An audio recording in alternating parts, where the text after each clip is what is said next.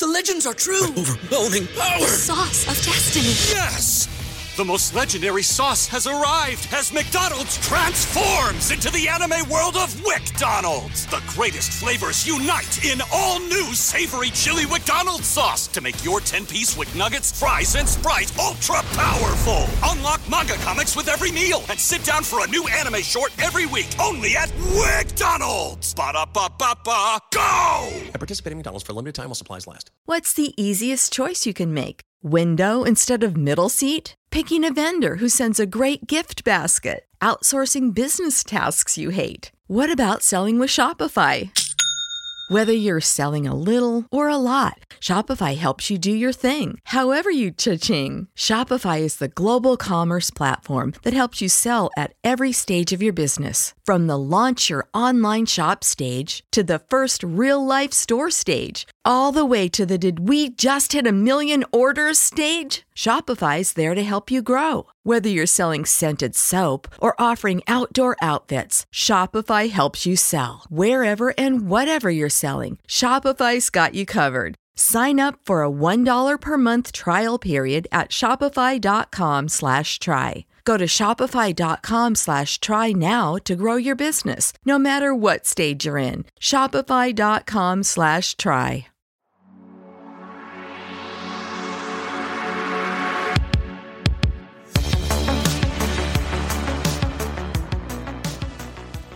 Welcome to the Broken System Podcast. I'm your host, Robert Palmer. On this season of the podcast, we delve into the homicide case of Donald DJ Fickey, examining the case file and speaking with witnesses and family members to uncover the underlying issues that contributed to his tragic death. We'll investigate how law enforcement failed to bring charges in this case, despite the evidence that was available, and explore the factors that may have played a role in the failure of the legal system to bring his killer to justice. Through our analysis of the evidence and our conversation with those who are closest to the case, we aim to shed light on the truth and work towards preventing similar injustices from occurring in the future. This is the Broken System Podcast.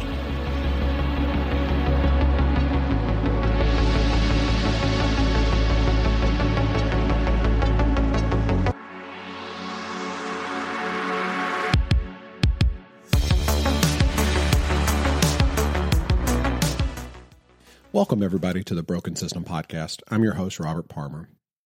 And in these two episodes, episode four and five, we'll be going through the interviews. This consists of more interviews with Mark and the polygraph test. We'll delve into the interviews conducted between detectives and Mark. Together, we'll analyze and break down these conversations, uncovering inconsistencies that shed light on the ever changing narrative. By examining the thought processes of the detectives and Mark, we aim to reveal the numerous occasions where confusion arises. The detectives find themselves confused by the statements made, repeatedly asking clarification and probing questions. They question why certain details were concealed during the initial interview and why the truth seemed elusive as the story evolved. Throughout this episode, we will present you the actual interviews, allowing you here to hear Mark's words firsthand. The audio evidence goes beyond the police reports and 911 calls we've explored in the previous episodes. Our intention is to emphasize the inconsistencies that have emerged in this case and highlights the problems that plagued it from the very beginning. Despite these glaring discrepancies and challenges faced early on, it continues to baffle me that Mark remains free from incarceration. How is it possible that the no charges have been filed against him? This fact truly astonishes me. I find myself questioning why justice has not been served. Rest assured, we'll continue to raise our voices until we get justice for DJ and his family. Let's dive into these interviews and thank you for joining me on the Broken System podcast. One thing I do want you to know is that this is about six to seven hours worth of videos and tape that I've been through. I will be editing it down. I will not change the context or the wording. I'm just eliminating some of the noise, some of the overlapping and breaks. You know, sometimes there's 30 and 40 seconds of no questions or no answers. It's just kind of silent air. Um, I'll be taking those out, but just know that the context is the same. I have not changed and I will not change any of the statements or how it sounds or how it's worded or put out there. So you're going to hear what was said, what was actually said, and the responses that were made. So let's recap where we're at through the first three episodes. Uh, episode one, you know, we talked about DJ's story and talked to Amanda, his sister. We put out there what the problems were, where DJ had issues, where Brandy had issues, and the things that have been going on in their life. We talked about DJ as a person and who he was.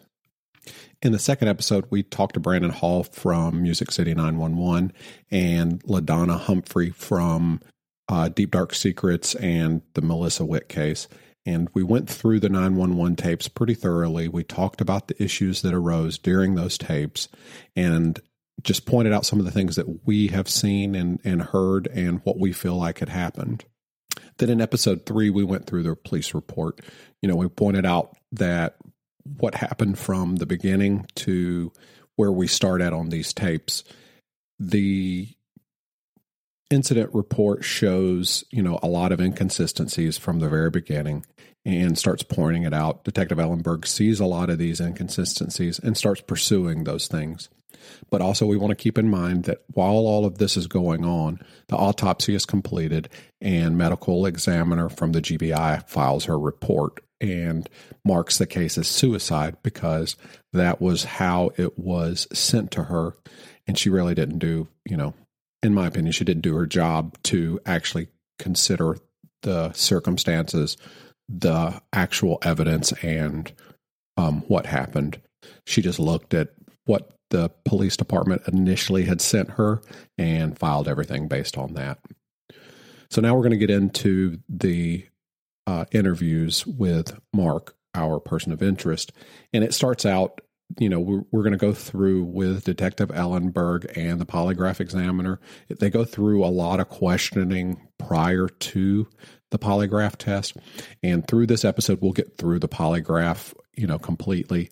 And we'll stop through periodically to talk about what we see, what we hear, and what we think about the statements that Mark's making during these conversations and how it one directly conflicts with statements that he made in the past and also, you know, statements that he's making during this same interview and conflicts with himself. So, you know, that it's going to be kind of neat to go through here and and hear that. Um, and you know, we're just going to come away from this once again as more evidence of why he hasn't been charged. I mean, he should have never really, you know, you'll see that that the polygraph test comes back and he and he's failed a couple different questions that are very important questions and that you know he it shows signs of inconsistencies in his story and you know there's just lots going on that that he's making up stories for or changing his story to fit the narrative is what I would say. And um and it even shows where they've probably talked back and forth with other people that were on scene to get their stories straight and kind of finish the conversations to where, you know, when the police talk to them that they, you know, know what's going on and and it sounds like it's all one consistent story, but they're smarter than that. The police see that, they see through that and they're moving forward. So we're going to start at the beginning of the interview and just kind of go through it and let you guys hear what's going on, and I'll chime in as I see fit. Here we go. The exam today? Yes. Let's start off by just chatting a little bit and let me give you an idea of what we're going to do, okay? Uh, first, it's important that you understand that uh, I don't work for the sheriff's department, okay? I'm a detective here with the city of Rossville. Not a lot of polygraph examiners around here. So I do exams for pretty much all the agencies uh, north of Calhoun. I, I've done one in Calhoun. Hmm? I've done one in Calhoun. Down there at the old uh, state patrol headquarters. What- Sam West. what was that one for? Motorcycles and stuff like that come up, gone. Uh, And I passed it. So About 99 you've, you've already had a polygraph before, so you know a lot about what they are. That makes it a little easier for me. Uh, I'm happy to give you this test, but I don't have any big interest in this, okay? One way or the other, it is not my case. The case belongs to Detective Ellenberg, he's going to sit in here with us at least for the beginning of it, okay? The very first thing that we're going to do is some paperwork. You know that nobody can make you take a polygraph if you've already had one before. I'm sure they talked to you about that then. Yeah, they told me because I, cause I missed one question on it. It's because I seen the motorcycles and I didn't. Uh, I seen them, so the question was something like, "Do I know where the motorcycles was or Yeah. not?" And I put, "No, I didn't know what it was, and I didn't." But I had seen them in the back of the truck. That I didn't realize they was my boss's kid's motorcycle. I mean, I had keys to everything he had. So, Right. so that's the only question I failed on. Just a little quick side note from me is I, I find it interesting how he makes sure to let the polygraph examiner know that he's already taken one before and that he did have an issue with one of the questions on the previous one that he failed and kind of the explanation that he gives for that because you know it, it seems like to me and it and you know it listening to everything and going forward you guys will probably hear it too. He has lots of excuses of why he shouldn't be blamed for something or why he didn't know about something. And, you know, he, he just basically said just then that, you know, he saw the motorcycles in the back of somebody's truck. He didn't know that they were his boss's kids' motorcycles, but he had a key to all his boss's stuff. And so I, I find that very interesting. So I, you know, I'm probably going to dig into that case a little bit more and see whatever came of that. But, you know, that's, that's one of these little interesting things that, um, consistency for him is, you know, he passes the blame a lot. He doesn't do anything wrong and doesn't, you know, it, it's always somebody else. And you'll hear that as we go through these a little bit more. Well, we're going to start off with this one with the same kind of paperwork that you did on the last one. We're going to do a consent form. You've got to agree to take the polygraph. Like I said, nobody can make you take it. Yeah, that's what I called my, I called the lottery this morning, and because I got real upset over the weekend because they was sending me pictures, Who they? uh, Brandy and uh, DJ's mama, What kind of pictures were they sending? like a hand, and where they could only see his hand, which I already heard about it. It's bad enough I had to hear about it, but they was holding his hand and they said, "This is all we got to see of DJ." I mean, yeah, I got upset about it because I didn't even get to go to the funeral, you know. And DJ was one of my friends, and I wouldn't have done nothing in the world to hurt him. I do want everybody to take note that throughout these interviews, Mark says a number of different times that DJ was his friend and that he would have never done anything to hurt him. But you'll hear many, many things that I don't think normal people do to their friends. So, you know, once you hear those things, re- reflect back on this and and hear what he said, and you know, take it as you will. Well, that's what the polygraph is for, and this is just an easy way for you to confirm that. that Yeah, that's what that's what I said. That's what I was telling them. I said, look, I said polygraph.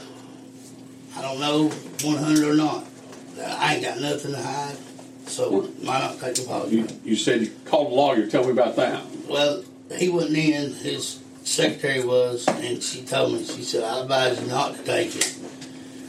And I told her, I said, "Look, I ain't got nothing to hide. Right. I mean, why should I not?" And she said, "Well, I would at least get advisement from the lawyer before you take the test. That way, he could be there with you or whatever." And I said, "Well," I said, "all I can do, I'm not going to hide nothing. I'm not going to hold this man's time up.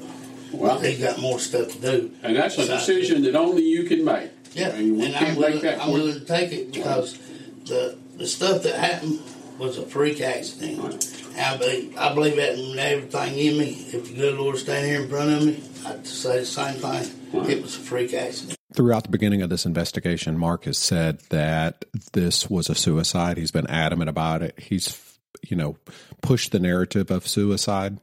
But right here, he says it was a freak accident. And I think I, I, the biggest thing is, is I think he doesn't remember the things that he said. And when he's trying to talk through it, he is making up new stuff as he goes along. But this is, you know, the narrative that he's going to start pushing here because he's been found out, you know, and, and they have ideas of what actually happened. So his narrative now is, oh, it was a freak accident. And you'll hear this through the rest of some more of this interrogation or talking. I don't, you know, I don't know that it's a, actually an interrogation because he wasn't read his rights at the beginning of this, not yet. Well, and that's what we want to determine, and you, we'll go over the questions, and, and that's exactly what they're designed to determine.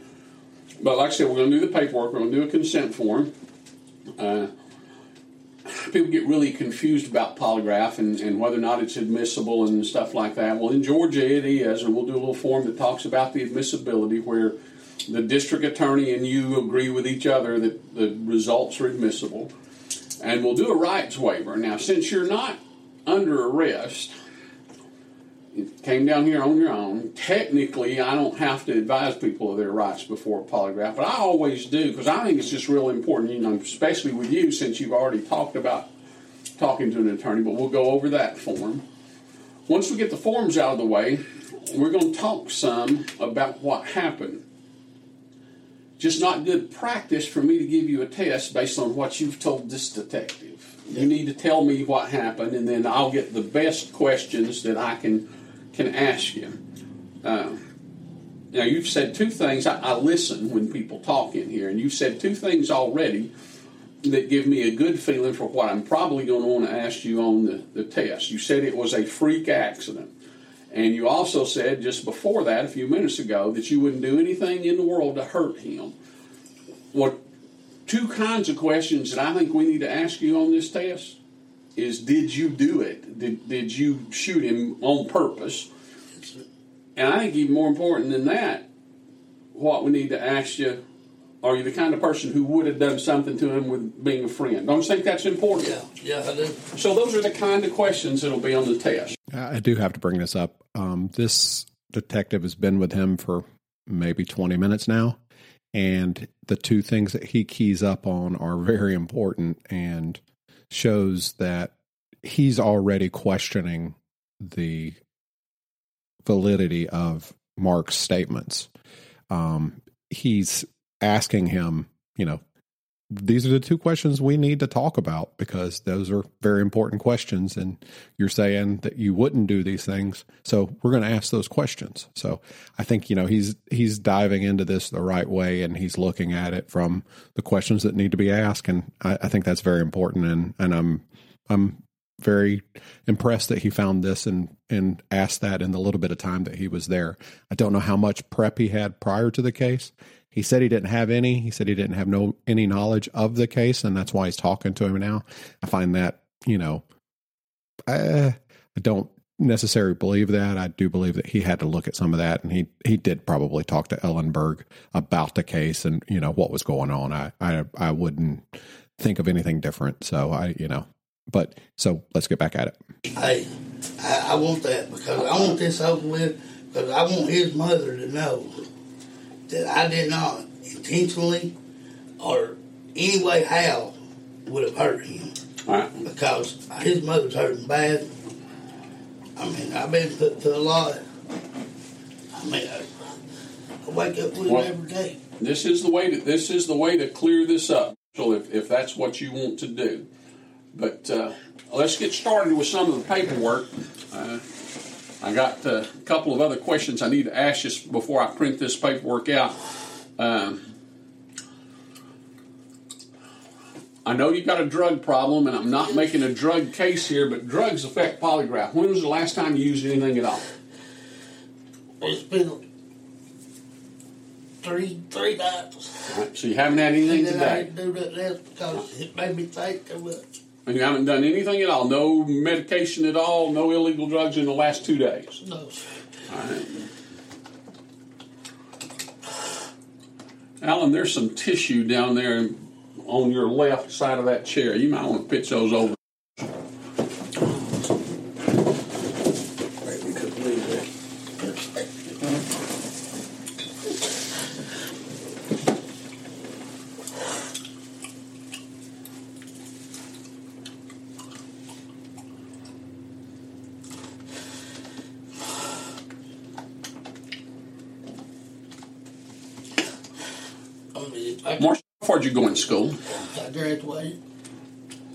We're balanced. Northwest High School,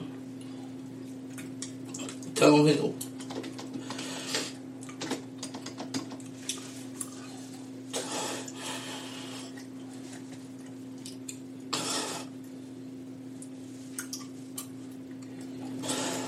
Yeah, if I did eat that and that, I would do it. I love to trade places with you.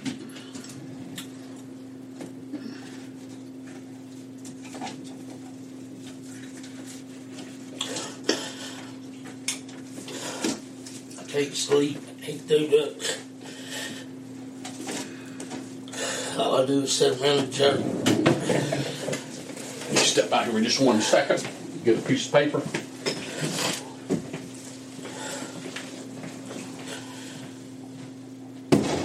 If I was going to do anything like that, take a man's life, I would shot that man to wreck my daughter.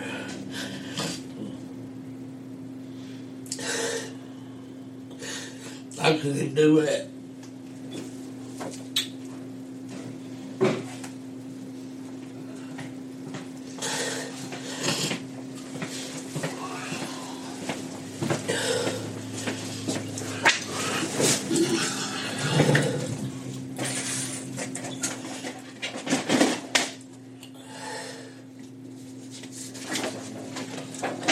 People don't understand. I didn't understand this. But when stuff happens, people that's that's innocent that, that seen the stuff, them just bad. So I want to point out something here that is really frustrating and me and makes me even more angry about this situation is, you know, he he points out here that people don't understand how hard this is on somebody that that saw this happen, you know, and he basically says it's just as hard on him as it is the family for the loss of their son, their brother, their father.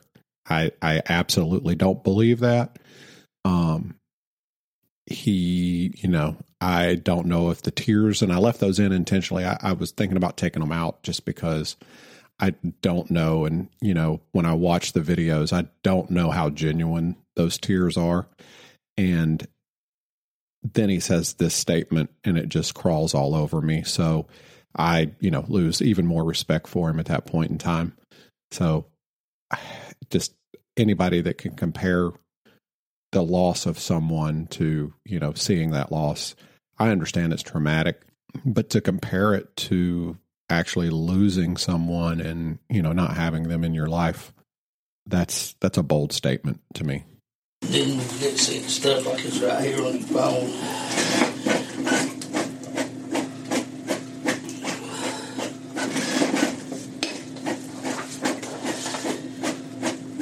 See, that's what I get see.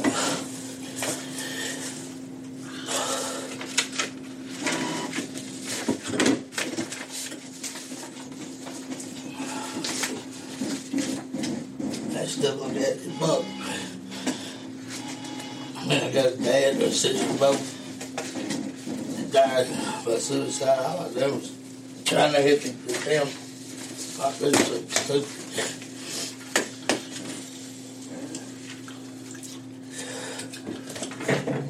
So this is a consent form that I was talking about. I'm going to go over it with you. I know you can read, but I'm going to talk to you about it. I do this the same way every time, okay? I can't read very good because I was a special ed. Well, I'll go over this with you. You ask me questions if there's anything you don't understand. This is the same consent form that I use for everybody who takes polygraph, okay? And this says that you're consenting to take this polygraph exam and you understand that you have the right to terminate the exam or to ask that it be stopped at any time. Now, that just means that if we start, we don't have to keep going. Whenever you don't want to do this anymore, you say, Dave, I'm not going to do this, and we quit, okay? I mean, it can't be any fairer than that. You further consent to the placement of the polygraph components on your person. I got this stuff over here I got to hook up to you. You've had one before, so I got to be able to do that. You certify that, uh, to the best of your knowledge, you're in good physical condition, not aware of any problems that you have that would be aggravated or, or made worse by taking the test. Don't have any big heart conditions or anything like that. apnea. All right. All right. Well, we ain't gonna sleep, so that'll not be a problem. Uh, you told me you haven't taken any kind of medication or any illegal drugs in the last. I'm just concerned in the last couple of days. I'm not. I know about you some about your drug history. Okay, that's not what this is about. This, I'm not going to ask you any questions on this test about drugs, but you haven't taken anything, right? No, sir. All right. You understand the polygraph is going to be conducted by me. This is my name and my address and stuff. Yes, sir. Um, and you agree that I can release the information about this polygraph to Detective Ellenberg, to the Walker County District Attorney. Now, the District Attorney's Office is the ones who uh, pretty much have the ultimate say over what, if anything, gets charged. Okay. Yes, sir. And there might be a couple of other people that I'm required by law to, to tell about the polygraph. People who come up here and inspect my program and stuff. Yeah. But that's the only people that I'm going to tell about this, okay? You certify that you have read and uh, or have had read to you this information. It's the 17th of October, 2016. If you agree to take this test, I need your signature on that line right there. Check that and make sure your birthday's right and your social security number's right on the bottom of that form.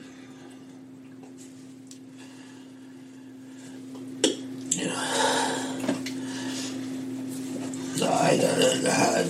This man's been good to me. I mean, he, he, Well, you know, you know, he's done his job. we are just here to, Find out to find out what happened, find out the truth. That's it exactly. That's all I want. I told you we were going to do a little agreement between you and the district attorney's office, and that's what this is. And if you look on the bottom of this form already, our district attorney, uh, Elizabeth Evans, has already signed this form where she agrees to it. And this just says that you're being investigated. You're a logical suspect in, in the death of, of Donald J. Uh, Fickey, and you call him DJ, right? Yes. So this is about DJ. Key things in this takeout from me is that they're actually calling him a suspect, that he is a logical suspect in the death of Donald DJ Fickey. and you're asking that you be given a polygraph uh, regarding just that matter, and that I'm going to be the one who gives you the exam. I'm a certified polygraph examiner, been doing this for a long, long time. Uh, you agree that anything that's developed out of this examination can be used in, in court or other hearings, including trial, or anytime we have something like this where there are other kids that might be involved, and you know, there's you, you know this whole family thing. Any of those kind of hearings, this information can be used, and the district attorney agrees to the same thing that the information in this test can be used on your behalf. You're as entitled to this information about the polygraph as the district attorney's office is. Yes. Any questions about this? No, sir. All right, I need you to sign that right there. If you agree that the information can be used. Now Just hang on to that. We got one more form that you need to, to sign. I talked to you about your rights. Yes. Now, this form kind of incorporates some of the information over those two forms that we've already done, but it's for a different reason. And this is to make sure that you understand your rights. Like I told you, I don't have to do this, but I just, if I'm going to ask people really serious questions, I just think it's important that they understand what their rights are, okay? And I've got all your personal information up here, and again, what we're talking about is DJ's death. And it says that before I talked to you about this, I told you what your legal rights are. And the very first one is you don't have to talk to me about this. You don't have to say anything at all. Now, the problem is if we don't talk, there's no way I can give you a polygraph. But, but that's okay because I already told you in the consent form you don't have to take the polygraph. You know that anything you say can be used in court, and that's on that other form. But this is, is for whatever court that we have. So you, you know we're not going to keep this a secret. And I think it's important you understand that. I don't want it to have a secret. I want everybody to know that. I mean, it's, I mean uh, because I ain't do nothing. I It says. It says that you have the right to talk to an attorney, and in fact, have one with you while we're talking about this. Not, not for the polygraph, just while we're talking about it. Now, you said you've already talked to an attorney's office, Yeah. and you certainly have that right, and you never give up that right. Okay, you can always have an attorney present anytime you decide you want one. Just because we start talking, we don't have to keep talking. If you decide later you want an attorney, if you decide right now you want one, Al and I are not going to get upset with you, okay? That is always your right, and you never give that up.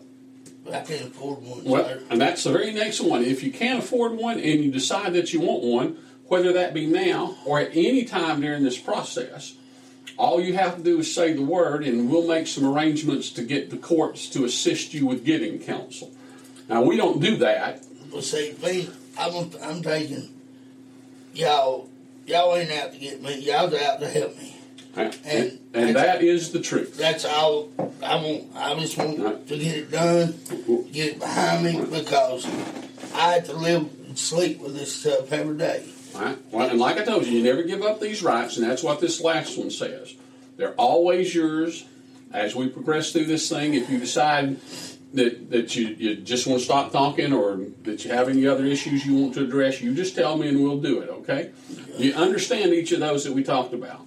All right, look this over and just initial each of those, and that's just saying that you understand what each of those are. I do have to give credit where credit's due. Um, I'm thankful that he did read him his rights right here because, you know, going through this and going into the full polygraph and what they talk about, and then after the polygraph, you know, I feel like they can go straight into the questioning that they do into the interview. And what that does is just, you know, puts everything on record and he understands that he needs an attorney if he needs one. He can ask for one. They've offered him, you know, an attorney if he can't afford to pay one. So he understands where he's at, what he's doing, and why he's doing it. I just think he thinks he can talk himself out of it. And, you know, for six and a half years, it looks like he has. And we're going to just keep pushing. Me and, DJ, we, Now, if you're willing to talk to me about this without having an attorney here, and I, and I say that because you've already said you call somebody, if you're willing to talk with me about it right now, I need you to sign that right there on the bottom for me, right there where it says signature. yeah, because I just got family. Because everybody keeps telling me, man, this is serious. I was like, dude, it may be serious, but the only one that's, that each got any- anything out of it was DJ. Well, and and he he done it. All I done was trying to help him. I was trying to get the gun away from him, and Let's take a quick break. Have you ever wondered what's at the root of homelessness? I used to try to describe it to my husband that um, I said, I feel like I'm in this big spider web and I'm stuck in there. And how wraparound approaches at missions aim to make a difference? It's the things like that, the people who communicated that in spite of my rough edges, that they authentically cared about me. On the Restorers podcast, we'll talk to experts, investigate current issues, share stories, and give you an inside look at how we at Water Street Mission tackle issues related to homelessness and poverty every single day. Join us by searching Restorers wherever you find your podcasts. Well, it, it's absolutely serious. Don't get matters don't get much more serious than That's this. it. I think you've got a good grasp on that for sure. yeah, because I mean, I ain't, I ain't done nothing but try to help. And if I know that I had to get in all this by helping, I just done the same thing. Right. Let's back way up a bit, and and for my benefit, tell me how you know Marsh or how you know DJ. DJ, I know him through Randy and family, you know. I work for uh, old man Holland Jump. I break down his stuff, copper and stuff like that, because his boys stay locked up all the time. They, Yeah, I've arrested both of his boys. yeah, well, they stay in trouble all the time. And I mean, just crazy stuff. Like then Alan going down the road, he keeps front windshield out of a truck, you know. And me trying to give him a ride over to Scott's, uh, somebody's place where he worked. And he kicks the windshield out. I'm like, that gun, man. I mean, it's crazy to do your stuff this way. And they do him bad, I ain't gonna lie. But one thing led to another. I finally made it home and told him, I said, I didn't get hurt. You know, I do have to point out that, you know, Mark's a great guy. He, he wants to help everybody, it sounds like. But it sounds like he gets in a fight with everybody that he tries to, and I'm doing air quotes. I'm sorry you can't see me. I wish I had video. Um, air quotes to everybody he tries to help. You know, he's getting into a fight with. You know, he was swinging around a knife. Well, how how is DJ related to the old man? I mean, Well, the old man, he thought of the old man as a grandpa. I mean, that's what he told me. He said, old man's like grandpa to me. And, which, I mean, as you know, I ain't gonna lie to you. I mean, I ain't to lie about. There's a bunch of drug addicts down there. And the old man can't do nothing about it because they all come and it's like they just lay up on him. Well, me, I work. I make my way. I mean, yeah, I got a personal problem with drugs. I always I could kick, but I can't. I mean, I cut down on it a whole lot.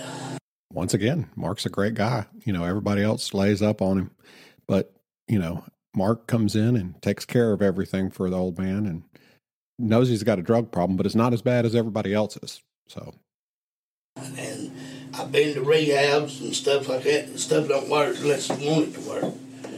And me, I sat there and try to keep everything in order. The kids ain't out of order no more. They don't cuss everybody comes in the yard. You know, I mean, I got them where they go get on the bus, get off the bus, and DJ, he sat there and, well, DJ and Brandy had a problem. They was on drugs. And I told DJ's mama when he lived up at the old place, I said, look, Which old place we talking about? where he used to live, over up uh, Freddie Lane. Where the old man used to live? Yes.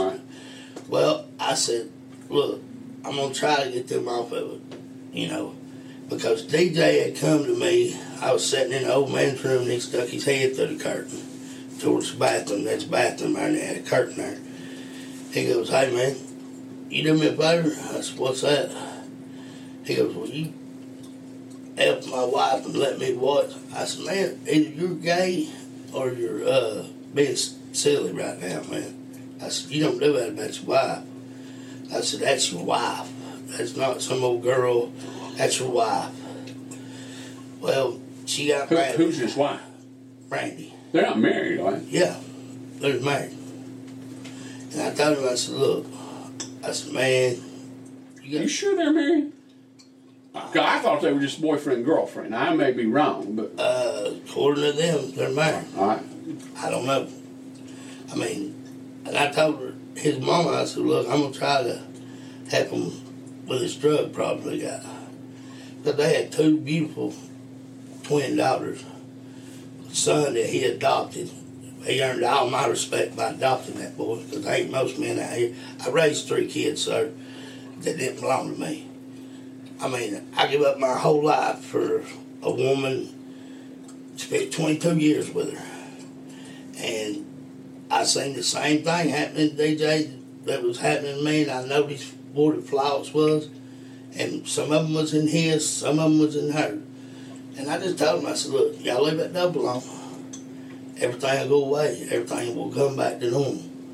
And I talked to him about it every day. I was like, look, you know, you leave that double on. I said, trust me, I'm 43 year old. I've been doing it since I was 17. I said, and it ain't done nothing but take, take, take for me.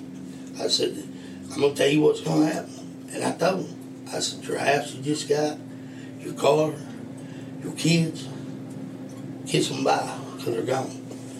And they didn't believe me. And first their kids went because he tried to OD and kill himself. And she hung herself in a uh, barn.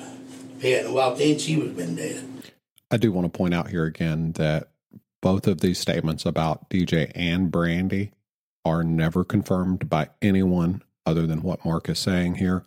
And I think it goes back to him just trying to push a suicide narrative and try to get the police officers to think suicide was the reasoning. When was this? Uh, several months ago. That's when they lost their house and stuff. Where Where was this? It was in Alabama. Where Brandy hung herself in the barn. Yes. Did that get reported to anybody? I don't know, sir.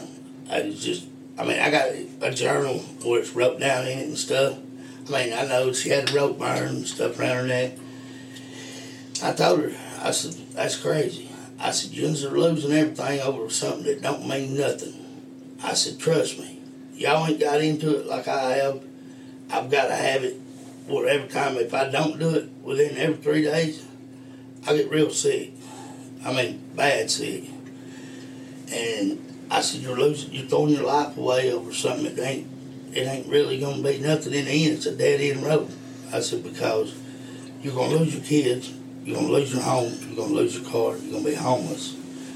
And if your mama, the ones you're sitting here cussing, don't come and help you, and these other people don't help, you're out on the streets. Nothing to eat. Uh, and when was this conversation? About every other day. Uh, so you had that conversation with him fairly recently then? Yeah, me and him, we got out in the yard and duked it out, you know. It wasn't nothing but an old good old, I mean, he knocked my tooth out. You know, When was that? eh, probably about five, six days before the, he done this crazy stuff he's talking about. Now remember, Mark's a kind person. He doesn't fight. He doesn't do anything like that. He's just trying to help.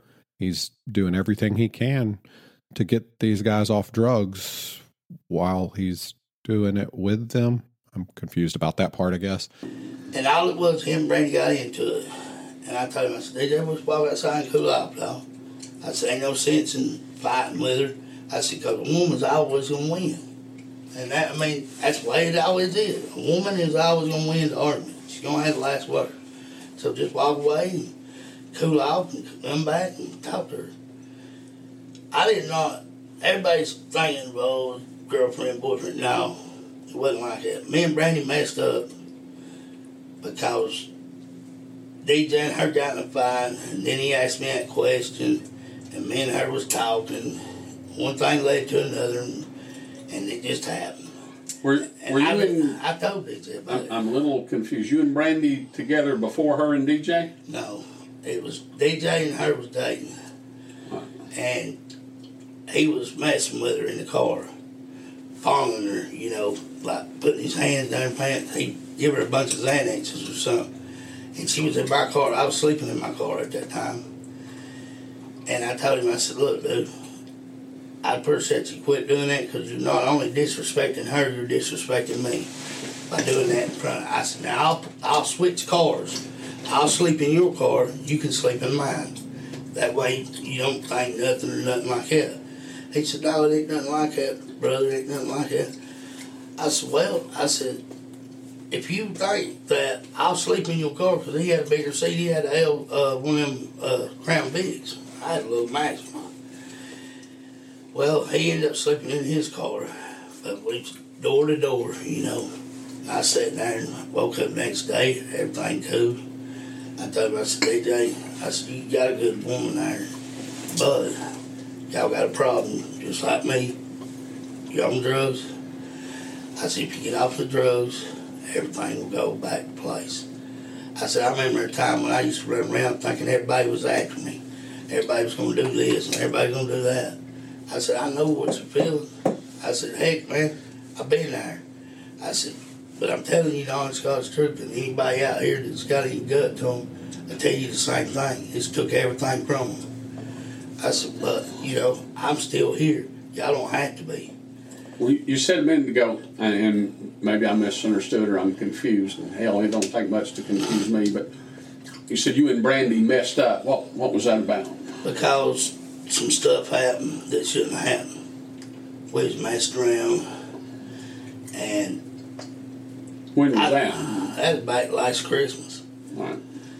and she ended up going to jail. She spent four or five months in jail. It was just within a couple of days. It was like a week.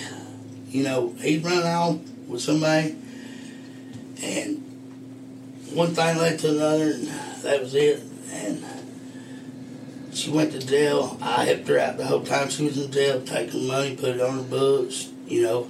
And had called me and told me I was going to be a dead man. So it's amazing to me that he pushes the topic away from the fight that him and DJ got into four or five days prior to uh, DJ's homicide to back before December, which is about 10 months, 11 months before the incident. And once again, nothing's his fault. You know, they were messing around. It just happened. And then she went to jail and he was taking her money, but she wasn't his girlfriend. And, you know, DJ was upset about that. And, but, but they weren't boyfriend and girlfriend, you know, because DJ, you know, was his friend and he wouldn't do that to his friend. and or he's gonna break my legs or something like that. He's gonna break my legs or something. I, they text to the old man's phone. Well, I didn't text him. I called him. I said, "Look, first of all, don't call me a bastard. I got a daddy. He's dead, but I got a dad." I said, "You don't like to be called a bastard because your daddy's gone." I said, "DJ, all I'm doing is helping. You're in Alabama. You're running from the law down here." I said, so I'm helping you help her. I don't want Brandy. I said, you know this. I said, I've sat and talked to you time and time and time again about what to do to fix your problem. And I've told you straight up, honest God's answer, and you don't do it. Every time you turn around, you run and go get you some more dope. I said, Yeah, I'm going to do it with you. I said, Because I'm an addict. But remember, he's trying to help him get off drugs, right? Let's take a quick break. Introducing Work From Anywhere, a Haworth Connect podcast, where we sit down with industry experts to discuss what's new and important in the world of work. We are now kicking off season two. In this series, we're focused on organizational culture, how important that is to the way we go forward in a work from anywhere ecosystem, and how we design the workplace to best support the most engaged workforce. We're available wherever you find your podcast, and we hope you'll learn along with us. I said, Bud, you ain't got to do it, brother. I said, you can go home, and your mama done told you if you got a job, you could live right there with her and get back on your feet. I said, it ain't hard to get on your feet if you got somebody helping you like that. I said, the only thing You is, said, let me interrupt you. You said that he asked you to have sex with Brandy. Yes. When was that? that around about December. So this was Last all year. about the same time period. Yeah, about December. And that's that basically why it went the way it went because I'm confused. Explain explain this to me. Uh, hey, don't have sex with my wife. uh, And then why does that. he get mad at you? He, he goes, Will you do me a favor? Right. And I said, What's that, bro? And he goes, Will you help my wife and let me what? And it just hit me like a ton of bricks. You know, you, I'd be like you sticking your head around that corner and saying the same thing. I'd be like, What the? But why does he get mad later if he thinks you are? He didn't get mad. He was sitting there and he was just like, da da da. And I said, Look. I thought he threatened you. Said you was going to be a dead man. Now that, that's another thing. Uh, So you put it back. See, the dead man thing was where I was taking money down there to the jail, putting money on her books and visitation, and that was it. And she kept telling me her boyfriend, which I knew she had been talking to DJ. I'm not no dummy, you know. DJ is her husband. They got kids together. I wanted them to stay together. And Are you- they married? I haven't seen any uh, marriage certificates or anything like that. She says that they are, but Yeah, she couldn't tell me none either because I asked her. I, it doesn't matter. I it just She said it wasn't legal or something. It that's It wasn't legal because they didn't send the papers in or something. okay. I I sat there and I said, well, I said, do you love DJ? And she said, yes. I said, well, then what in the world are y'all doing? I said, because way I'm understanding, y'all are doing it like swingers. You know, y'all sleep with other people and this and this. And I said, uh, that ain't good. I said, when you're married, you make a vow to God, you know, that you're going to do right. You're going to be with this woman. I said, so, Randy, and you, we ain't got no chance. Because actually, just being honest with you, I'm 43 year old. You know what I'm saying? My my shit don't work like it's supposed to. Mm-hmm. And, you know, I can't afford doctors, nothing like that. let me do this for just a second. Yes. I've got another. Like I said, I'm a detective here first, and I got Got another little gang problem that that I'm dealing with. But DJ, he was being told one thing, I was being told another. And basically, me and Brandy was more friends than we was anything. I, I did like Brandy. I ain't gonna lie about it. I mean, I was in a relationship 22 years. And the girl I was done the same thing Brandy done, cheat, da da da. But I loved the woman.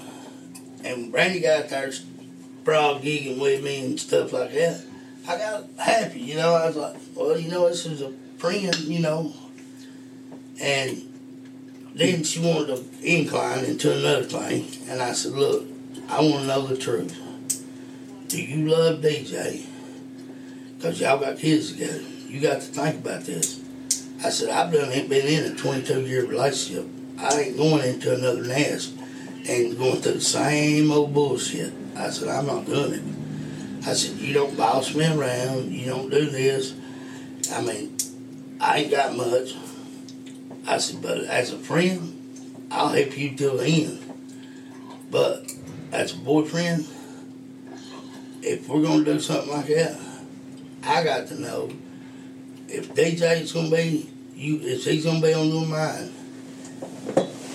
I need to know if you love him. And she said, Yes, I love him with everything in me. I said, Then you need to take your stuff and go home. And you say you told DJ about this. Yeah, DJ knowed it. How did he handle that? He, he handled it just like a man. So right here, Mark contradicts himself, saying that he had no thoughts or feelings for Brandy, but here he stated that you know he was happy and he was thinking about future, and you know that he confronted her about you know if she loved DJ or not, and if she did, she needed to just you know go home, and if not, they could probably have something, and it just goes back into you know everything. It, it he really wanted something else with her, and I think the only way that he saw that he could get it was if DJ was out of the way.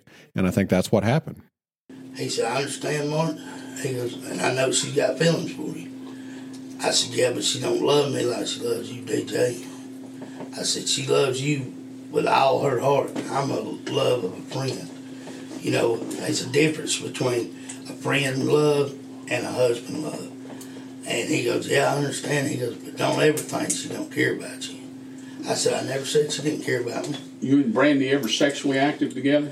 Yeah. Did DJ know about that? Yes, sir. And he told me, he said, I don't blame you. He goes, I mean, pretty much he made a joke out of it. He's like, look into your ugly ass and look at me. I said, well, you ain't much better, you know. Just shooting the shit. I mean, and then when that morning they was arguing, fine, they slept in my camper. I mean, they, they slept in there together. If I was going to At the old man's place? yeah, I got a camper down there that I stayed in during the week when I'm helping him, and then I go home every other weekend to my mom's in Chatsworth. But I sat there and we just shoot the job and bull crap around. I mean, it was good. I don't understand this. That's why I don't understand what happened. Because she got up that morning, her and him both. I was still asleep. Went up to the old man's, used the bathroom, take a shower, whatever they got to do. By the time I got up and got up there, the old man told me, he said, they've been into it, arguing stuff. I said, hell, they've done that all night. I said, it ain't nothing new. What are they fighting about? Uh, just jealousy. It's everything about jealousy. He run off with a girl in a car. Excuse me. She come and picked him up. Well, Brandy's ain't all tough. She's all gangster, whatever you gonna call her. And he lay up with her. Stayed gone for the whole night. The night before, or Uh, how long no, before? two nights before that. And they bickered back and forth about it. And I was like, well, you're telling me, Brandy, that's his friend. I mean, you can't get mad at him for going to his friends when you told him he could go. I Who- mean, Whose girl? Christian, Christy, something like that. It's in one of the Texas. I mean, on my phone, you know, I kept all of it locked in. And I sat there and I said, look, I said, this is a, I don't know what y'all got going on, swingers or whatever, whatever y'all do, I don't care. I said, but I do not want, I had both of them sit down. I said, I do not want to be in y'all's problem no more. So don't say, ain't that right, Mark? Don't you think so, Mark? I said, I don't want that. I said, y'all can stay here as long as you want till you get your stuff together. I said, but I do not want to be brought in y'all's problems. Christy Moore. I don't know. I don't know her last name. I mean, I just know she hangs out down there, down where? the old man's house, periodically. I ain't never seen no Christy. Yeah. I know Christy, but I ain't never seen her down there. One time, she's down there to get a wheel or something for a truck. Her and Steve, uh, Steve, Yeah. that's her old man. See, because little Steve and all of them kind of looked up to me, you know, and I'd let them mess around in the car and play the radio and stuff like that. But Well, back to the day this happened. They're up at the old man's house, and you go up there. yeah, I walk in. I pass the old man going out the door, and that's when he told me they was in arguing. Well, I went on back to the bathroom like I always do, you know. I'm sitting there, and they just sitting on the bed. I said, "What the hell's up with the locked doors and shit?" I said, "Hell, I mean, somebody actions or what?" And he goes, "That's what I'm saying. What, what's up with the locked doors?" What, what locked doors are we talking about? the bedroom door, the bathroom door, the front door. And I'm like, hell, every one of them was locked. And I sat there and I said, well, uh, I said, what's going on? I said, where's Brandy and the rest of them? Oh, they're in the bathroom. They's in there. Uh, well, you put that iron on your hair, straightening her hair. Well, I said, I was like, well, y'all hurry up and get that shit done. I said, some people got to use the bathroom. And DJ said, well, that probably not doing the rest of that shit. I said, she better not be doing no shit in there. I said, because goddamn old man run her out, you know. I said, I'm telling you. And I turned around and I said, well, I'm going to go in here and lay down at the old man's room. I said, when you get out there, holler at me. So I went in there and laid down. I sat in there and walked out. I was fixing walk out, but Fat Boy had walked in. And Fat Boy is Fat Boy's what's Scott. his name? Scott. I don't even know his last name. I still don't know his last name. He's staying down there too. Now, every now and then he'll stay, you know, when he don't go back to uh, Soddy, Soddy, something like that, Soddy-Daisy or something. But anyway, I sat there and, and he's talking to me. I said, man, I said, I'm going to have to take his shotgun down there to the camper. I said, because he's already in there talking about blowing his head off. That was like, yeah. So I'm going to point something out here that's going to come up a little later on. Mark talks to Fat Boy and says that he needs to take the gun and hide it somewhere, you know, down by the by back in the other camper or whatever. And at this point in time, this is the day of the incident. DJ is left out of the room. Mark and Fat Boy are in the back bedroom, a different bedroom supposedly. And they're looking at the gun. They're talking about the gun at this point in time. So the gun is physically with Mark at this point in time. So I want y'all to remember that. The gun is with Mark in this back bedroom. So we're going to continue. Well, I got to looking. There wasn't even no shells for it or nothing like that. And I was like, well, hell, he can't shoot himself with just a shell, you know. And I went, I heard, so I walked out of the bedroom. And I, was, I said, man, I've heard that bull all night. I said, y'all need to just calm down. I said, shit. I said, hell, you already jumped on Francis and everything. About that time, she got jumped up and was running out the door and had it about quarter way open without it. And I turned around and DJ's got the gun. So we fast forward just a minute and he's came out of the room, walked down the hallway to yell at them about arguing. Brandy goes out the front door and DJ has the gun. So within two minutes, somehow DJ, who's sitting up in the couch in the living room, Mark was in the back bedroom with the gun and Fat Boy. And then all of a sudden, DJ has the gun. So explain that to me.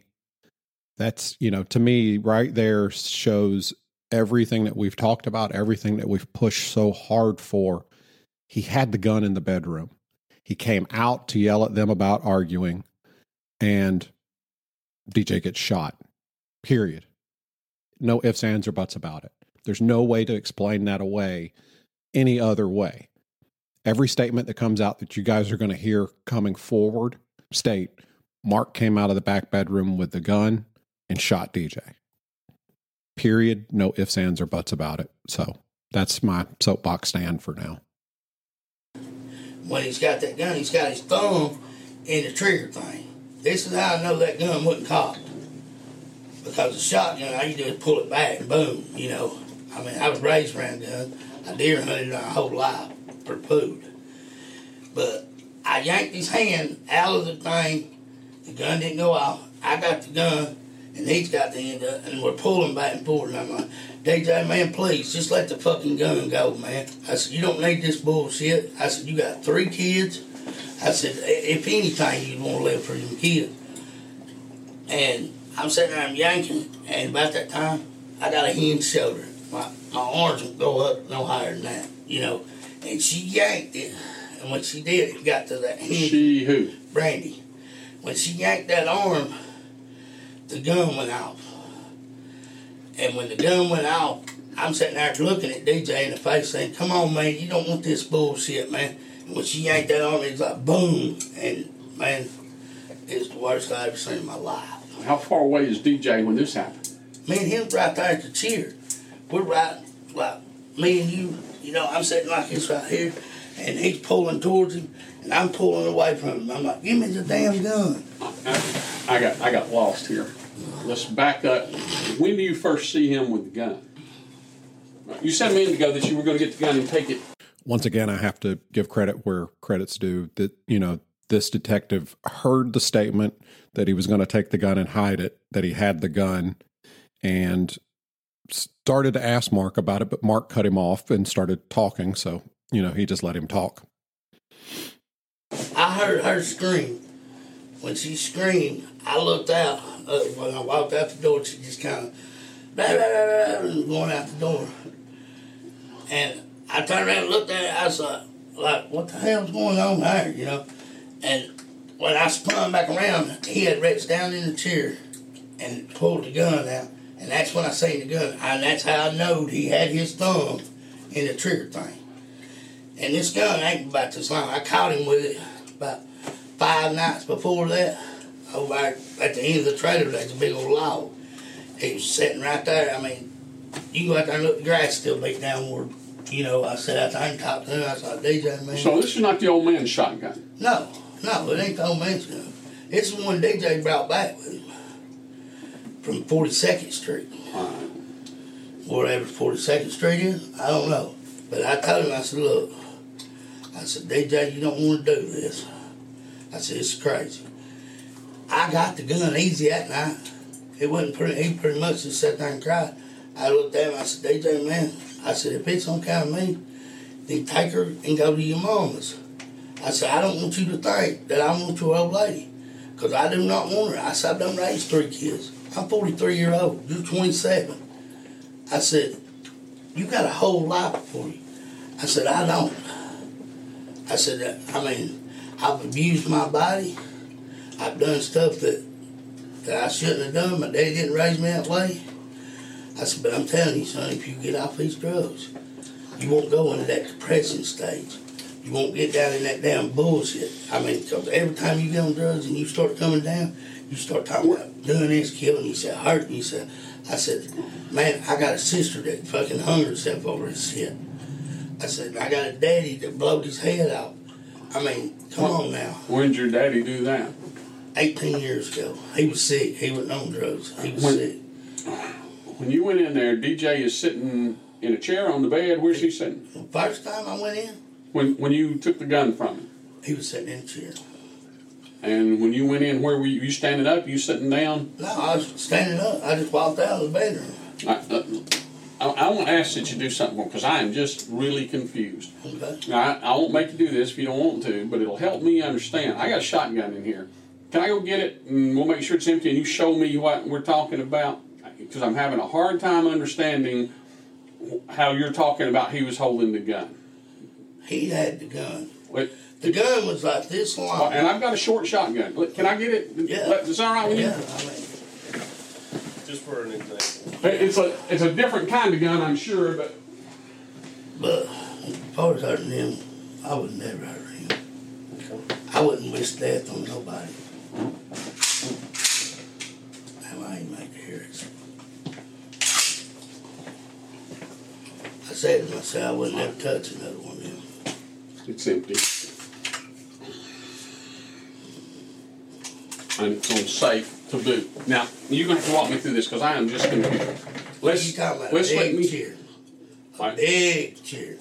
Two people. Me and you probably both said it. Well, show me how he was holding the gun. You, you direct me how Well, you said. when I first seen the gun, the gun was down in the chair arm. Right. Way down in, you know, it's got a big pillow over it.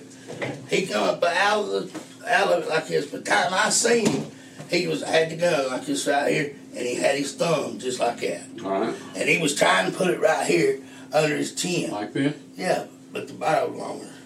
The barrel on his yeah. is longer? No, on yours, because his was like at the cheer on right here. All right. And I was like, DJ, man. I said, what the fuck, man? And I, when I got a hold of the gun, I grabbed the gun like this, and I'm pulling, and he's trying to put it back to his face like that, and I'm pulling away. And when I was sitting there, I turned around like this, and I got it away from his face. You know, got the gun away from him, trying to keep the barrel out from his face in case it did go off. Mm-hmm. Because at the time, I didn't know if the trigger was pulled back or the hammer. Mm-hmm. Well, when I yanked the gun like that, the gun, I had the barrel pointing towards the wall. When I yanked it like that, it come loose from his hand. I kept my hand over the trigger. So pull and, and like it did. Yeah, I Came loose. like that. So now, I got my hand over this. I'm sitting there, and he's pulling the gun, trying to put it back. both hands, one hand, two hands? No, he had both his hands. So he's got both hands back. up here. And no, one of them was down here trying to move my hand. And I'm like, DJ, please, just give me the goddamn gun, man. I said, you don't want to do nothing like it. And about that time, my arm yanked, and it said, boom. And where is Brandy and all this shit? She's the one that yanked my arm. She was at the door with like, you know what a quarter door is? Uh, I mean, open it quarter way. She was out on the porch. She stepped in and she's like, Mark, quit, and grabbed my arm, and it said, boom. And I was like, I mean, it was like a dream. After that, the shot, I mean, I don't even think I even heard the shot. I think what happened was just hit. It was. What did she say? It was. She said, "Why, why, why did you?" I was like, "Why what, Brandy? I did not shoot him." I said, and I did not want to tell her, but she pulled my arm. That gun went off. Who else was in the house when all this happened? Bad boy. Where was he? He was at the washing machine. He seen every bit of it. Uh, he told me about his wrestling, and I told him, I said, "Look, I said I don't want to hear no more of it because I don't think the detectives want to stop him like that." I said, "You tell your story, and I'll tell mine." I said, "Let them do their job because that's what they get paid for. That's what they're professionals at." You know, I just have to commend Mark again. He's he's such an upstanding guy that you know he didn't want to taint a witness. He wanted, told Fat Boy not to talk to him about it because he didn't want their stories to line up. Hmm, weird, huh? But I wear a Army Latin bracelet. I took it off today. I don't know if it, when I was trying to hang on to the gun to keep him from getting hold of it, if it might have caught the hammer, it might have pulled it and then let it go and the gun went out. For those of you keeping count, this would be the fourth version of the story that Mark's told about what happened. Just you know, number four. But I know for a fact these five, ten fingers, whatever you gonna go, did not pull that hammer back, and you know, neither one of these fingers pulled no trigger. I know for a fact. What I'm curious about, let's do this again. If my thumb is in there And I got well, and you grab that gun, it's going to go bang. yeah, if it's back, if the hammer's back, you know, it's a single shot. Well, I was sitting there. That hammer was not back because when I grabbed the gun like that and got the gun like this, and he had his hand like right here trying to move my hand, and I'm sitting there fighting with him, and I'm holding the gun like this to keep it away from his face, and he's trying to put it to his face. But when she snatched my arm, boom, the gun went out, and it was it hit him right here, exactly where he had the gun when I first seen it. He had it under his chin and had his thumb like this right here in the barrel, but it was on this side. And I was like, DJ, man, and I could see it in his eyes. It wasn't the same as at the stump when we sat out there at that stump. He was crying at the stump. This was, he was pissed. He was hurt. He was confused. And when I yanked that gun, I seen his thumb come out of that, and it didn't go off. And if it had went off, I had the barrel over here, way away from his face. Well, I mean, I'd rather have a hole in the ceiling than I would have his face blown off. I mean, I tried everything I could to keep him from doing anything like that, and I don't think he done it. I don't think he done it. I think it was a freak accident. I think he was trying to scare Brandy, and me and him wrestling over the gun. And when she snatched that gun, that bracelet, or maybe even my hand, you know, Version number five. or his, or he reached up there and had clicked it and let it go, thinking it was cocked, and it just boom. Something happened right there in between that split second of time. I couldn't tell you exactly, but something in between that split second of time set that gun out. I've deer hunted all my life ever since I was eight year old, and I went through the hunter safety course. I made a hundred on it. I've done everything in my head, thinking it over, thinking it over, trying. Like I told you, You told me that two of you guys were fighting a couple of days before this. Yeah. Tell me about that fight. Hey, he sat there and I was like, DJ, just go up there and cool off, man. I mean, you know she ain't gonna quit because she was coming down and she blah, blah, blah, blah, blah, and motherfucker, you just stay up my ass? I said, just walk off and leave it, brother. Come back in 30 minutes, you be right. I mean, everything will get back together, you know. Ain't no problem. It's just her being ill. He sitting there and I reckon he thought I was gonna stay in there with her. Which I walked out of the camper but because I didn't want him to think that. And I was like, DJ, DJ. Well, at that time, we he looked at and called me out. He goes, Won't you just fight me like a man? I said, DJ, is that really what you want? I said, You just want to fight and get it over with. Because back in the day when I was raised down in Mill Creek, two men had a problem. Go out in the yard, scrap it out. It's over with, you know? Well, that day, we scrapped it out. I lost the two. Uh, got hit with a golf club. He got hit with a golf club. But we sat down in that swing about 20 minutes later, 15, 20 minutes later, and we sat there and laughed about it. We laughed about it. Where did golf clubs come from? Hell, they land all over the yard, you know? I mean, but So it was just a scrap, pick up whatever you can, and Yeah, just it was just oh good old boy, get her done and be done with. it. But we sat and laughed about it. He sat and told me, he said, "We gotta be crazy now." I said, "Why?" And he said, "Because you know, at the end of the day, she's gonna do the same shit tomorrow." And I said, "Yeah, you're probably right." I said, "But not with me, brother." I said, what do you know about DJ talking to his mama right before this shit happened? He talked to her on my phone. Tell me I about was, that. I was one to give him the phone. I didn't know what he was saying. I was in the back bedroom. He was texting her. I would give him the phone because when I walked that bathroom door, I said, "What the hell's up with the locked doors?" God dang.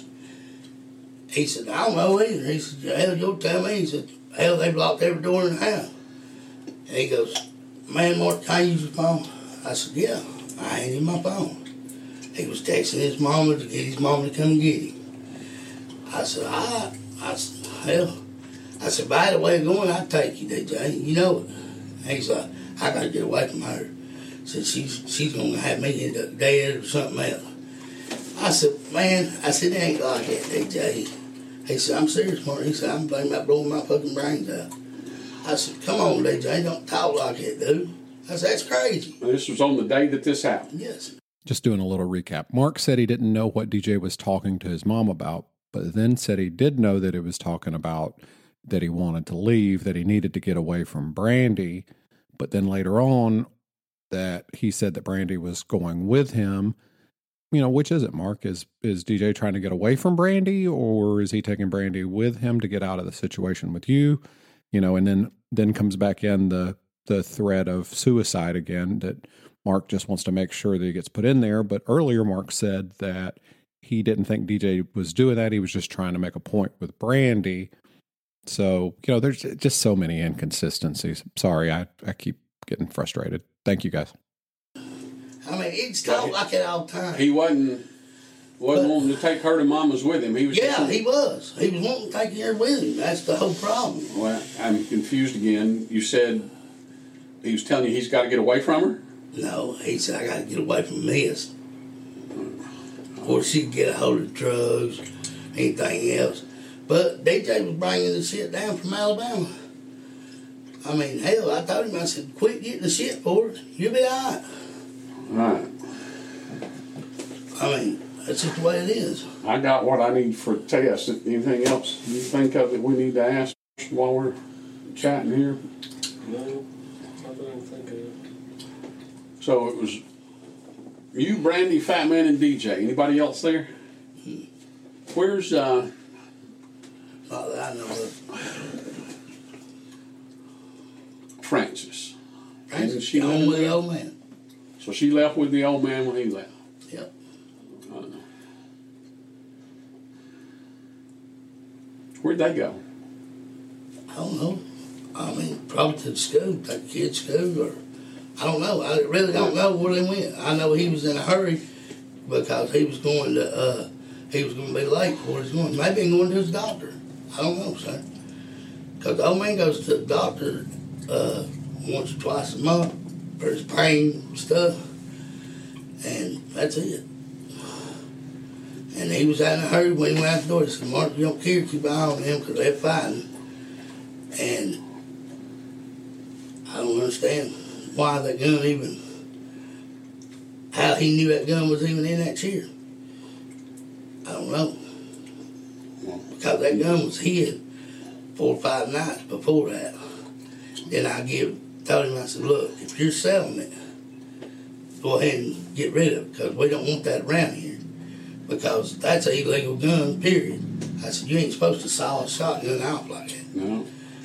And he goes, Well, he got it from the Bloods. Whatever the Bloods is, I don't know. But that's where he said he got it from. He's supposed to have been selling it to a dude in the Blood. Said, So in the course of this struggle over the gun, you never pointed that gun at DJ. No. You never threatened to shoot DJ. No. And you're sure you did not, unless it was the bracelet. You're sure you didn't pull the trigger. Yes, sir. I'm 101. All right, You've been in some fights. Obviously, been in some fights with DJ. I wouldn't, even, I wouldn't even call it a fight. I mean, I would call it more of a brother like fight because I, I wouldn't have hit him. I couldn't hit him. I mean, I smacked him on the back and he grabbed me in the headlock. I bit him. I don't know about any of you, but I've never fought with my brother where I hit him in the face with a golf club and he hit me back with a golf club and bit me. That's kind of extreme, I would think. Uh, if if so, I mean, it may happen, but how often? And that, Nothing to seriously hurt each other. no, nothing seriously hurt each other. I looked at your criminal history before we started this shit. You got a couple of other charges of assault. Yeah. So this is where we're going to finish up this episode this week. Um, we'll leave it right here. We'll pick back up next week with the last part of this discussion and then go straight into the polygraph. Um, from the polygraph, we'll go into the after uh, polygraph interview, which is, you know, very enlightening as well. It has a lot more information. I'm hoping to get done with it in another episode. It may actually take two more episodes total. So we'll see. Thank you guys for joining us on this week, and I appreciate it. Please go and like us, review us, and follow us on all social medias. That'll help us. If you are Apple Podcast, please rate and review us. Leave us a review.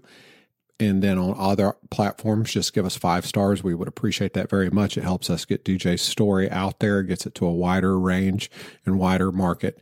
And you can find us on all social media at the Broken System Podcast. So thank you very much. Follow us, review us, like us, and we'll talk to you guys next week. Thank y'all.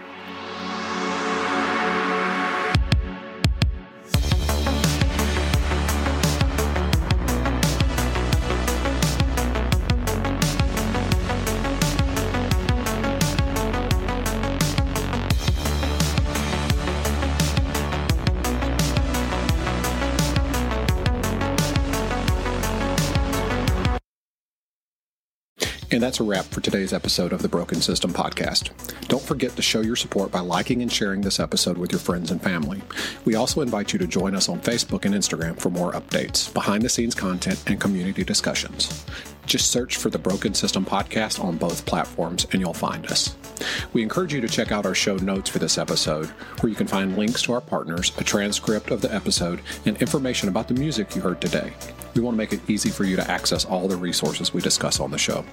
And lastly, this episode was written, edited, and researched by Robert Parman. Thanks again for tuning in, and we look forward to bringing you more thought provoking content on the next episode of the Broken System Podcast.